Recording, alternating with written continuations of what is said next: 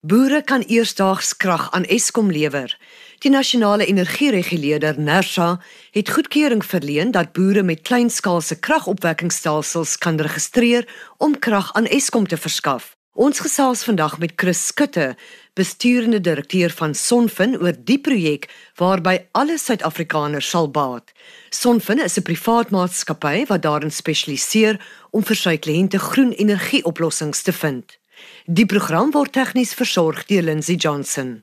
Dit klink baie vreemd dat boere aan Eskom krag gaan verskaf en nie andersom nie. Hoe werk dit? Dit is 'n nuwe skema van Eskom se kant af wat hulle uh, bekend gestel het waar boere die geleentheid gegee word om sonkragstelsels aanlegte op hulle plase te kan installeer wat dan gekoppel word aan die nasionale netwerk en dan kan hulle krag lewer aan die nasionale netwerk tot voordeel van die boer self. Gaan dit groot geld kos? Sulke projekte kos groot geld ja om aan te gaan, maar die voordeel rondom dit is dis 'n bate wat die boer tot sy boerdery voeg.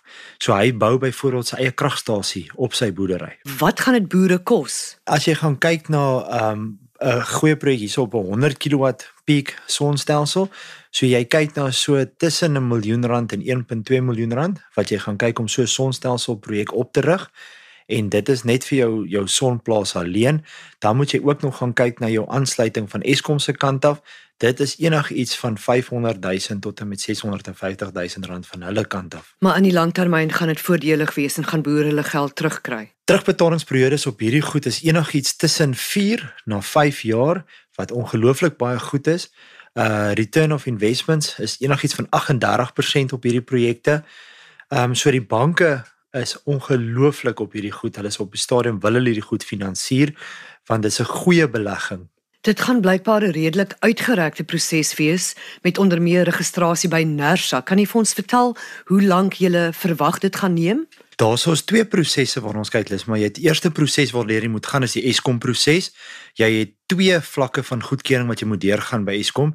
Ons kyk daarna daai proses omtrent so 18 maande om voor jy goedkeuring gaan kry van Eskom. Sodra jy goedkeuring gekry het van Eskom, vat jy daai goedkeuring deur na Nersa toe wat jy dan gaan aansoek doen vir 'n registrasiebrief by Nersa want jou projek moet onder 1 megawatt wees vir registrasie.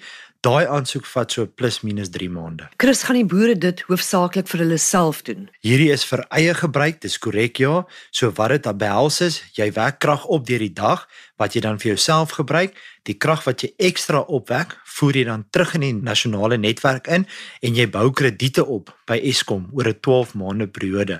So waar boere byvoorbeeld seisonaal is, kan hulle in die eerste 7 maande wat hulle byvoorbeeld besproeiing doen, hulle eie krag gebruik wat die sonplaas opwek en dan die 3 maande wat hulle seisoen af is, dan bank hulle krag op die nasionale netwerk wat hulle dan weer op 'n latere stadium kan gebruik. Is daar baie boere wat belangstel? Ja, op hierdie stadium, um, net van ons kant af wat ek weet, ons het oor die 100 aansoeke waaraan ons werk, maar reg oor Suid-Afrika dink ek is daar plus minus 4 na 500 aansoeke wat al reeds in die pipeline is. Jy het vroeër genoem dat boere hiermee ook die res van Suid-Afrika gaan help. Hoe gaan hulle dit doen? Um, ons is geaffilieer met Agri SA en um, ons werk saam met hulle rondom hierdie goed en Agri SA het byvoorbeeld gesê dat as ons daai aansoeke kan deurkry en konnekteer aan die nasionale netwerk, die krag wat ons dan gaan terugvoer in die netwerk kan tot en met fase 1 beurtkrag voorkom want ons voorsien dan krag aan Eskom.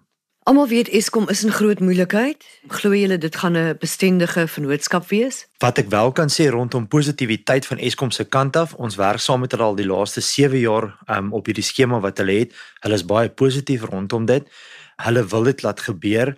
Dit is net dit is 'n nuwe ding vir Suid-Afrika. Dit gebeur al in die res van die wêreld, net om 'n voorbeeld te noem Duitsland. Dit is al lankal wat jy krag kan terugsit in die nasionale netwerk.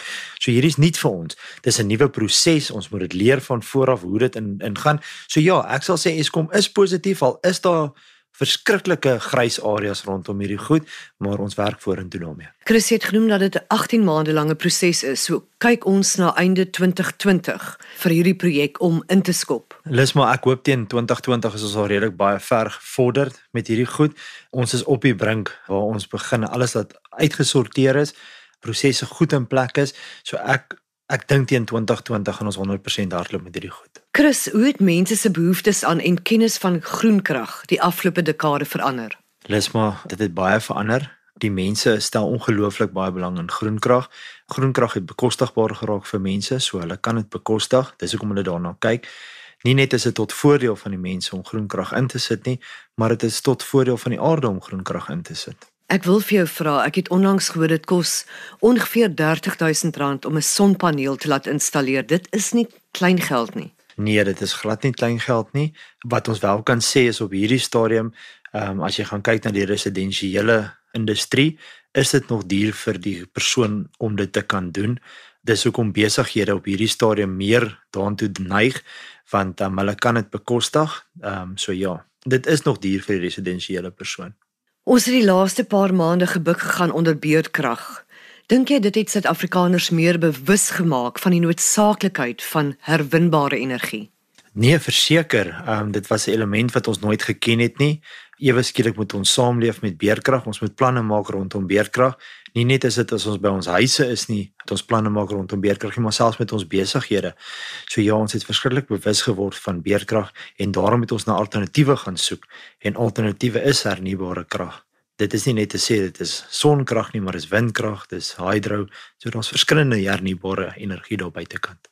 Dit was Chris Skutte, bestuurende direkteur van Sonfin. Soos Chris sê, kan die projek boere se insetkoste verlaag, maar sal dit ook bydra tot 'n meer bestendige nasionale kragnetwerk. Terloops, dit het einde Mei ook veel makliker geword vir sakeondernemings, winkelsentrums en fabrieke om goedkeuring te kry vir hulle kleinskaalse hernubare energieprojekte. Die minister van Energie het Nersa toestemming gegee om lisensies te verskaf aan projekte van tussen 1 en 10 megawatt. Groot industriële ondernemings wat myn en vervaardigingsaanlegte insluit en bedags baie elektrisiteit gebruik, kan ook van die geleentheid gebruik maak. Die eerste sonkrag distriksverwarmingsstelsel in Suid-Afrika is intussen by Wits geloods, sowel as die grootste sonkragverwarmingsstelsel in Afrika, suid van die Sahara, by die Klein Karoo Internasionale Leerlooiery. Thomas Edison, wat as Amerika se grootste uitvinder beskou word, het so lank terug as 1931 reeds besef wat se moontlikhede sonkrag inhou. In sy woorde: "Ek sit my geld op die son en sonkrag, wat 'n bron van energie. Ek hoop nie ons loop uit steenkool en olie uit voordat ons die kwessie pak nie." Die program word ondersteun deur die Wes-Kaapse Departement van Landbou. Ons groet tot volgende week. Onthou die aarde is kosbaar. Kom ons bewaar dit.